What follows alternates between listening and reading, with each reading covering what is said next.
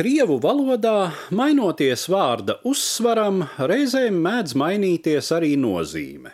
Tā Antona Čehova lūgas ķiršudārs nosaukums precīzi tulkots atpakaļ krievu valodā skanētu višņevīs sat, taču krieviski to izrunā kā višņovīs sat, kas latviski drīzāk būtu tulkojams kā ķirškoku dārs.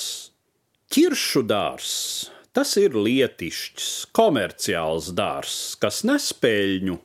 Tāds dārs vajadzīgs arī šajos laikos, bet ķirškoku dārs peļņu nenes. Tas sevī savā ziedošajā baltumā glabā zudušās muiznieku dzīves poēziju. Tāds dārs aug un zied priekam, izlutinātu estētu acu baudai Žēl to iznīcināt, bet nākas, jo valsts ekonomiskās attīstības process to prasa. Tā šo nosaukumā ietverto smalko nozīmes niansi, par kuras atradumu pats Čehovs sajūsminājies, atšifrē Krievu teātra korifejs Konstantīns Staņislavskis.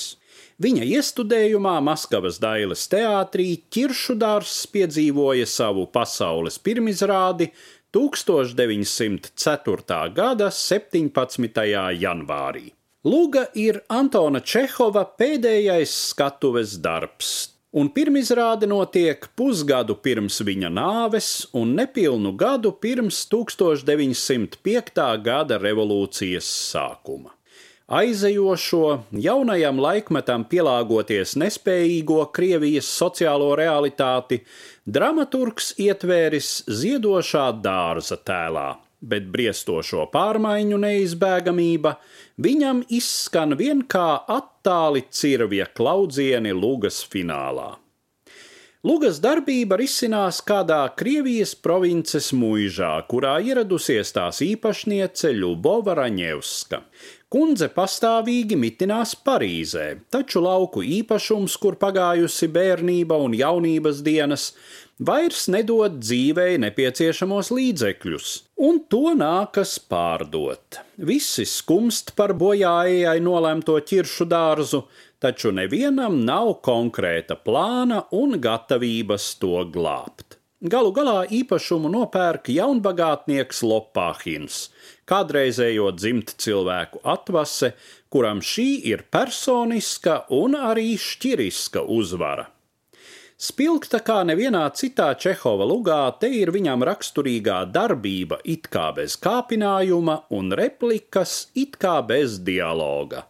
Tā varoņu savstarpējo attiecību zīmējums veidojas izplūdis un aptuvens, bet jo spilgtāk iezīmējas viņu attiecības ar simbolisko ķiršu dārzu. Antons Čehovs savu ķiršu dārzu nodēvējis par komēdiju, un tas var šķist paradoxāli. Šo paradoksu nesen pieminēja literatūras zinātniece Līvija Volkova sarunā par Rudolfu Blaumani raidījumā šīs dienas acīm. Arī latviešu dramaturgijā ir savs ķiršu dārs. Tā ir blaumaņa Indrānu ošu gatve.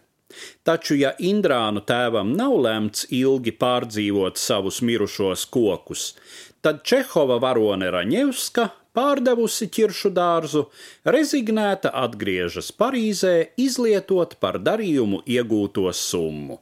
Vienīgais, kam lūga noslēdzas traģiski, galu galā ir tikai izciršanai nolemtais dārzs.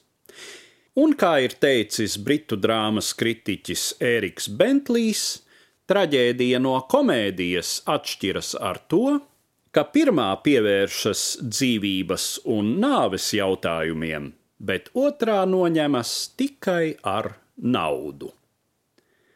Stāstīja Eduards Liniņš.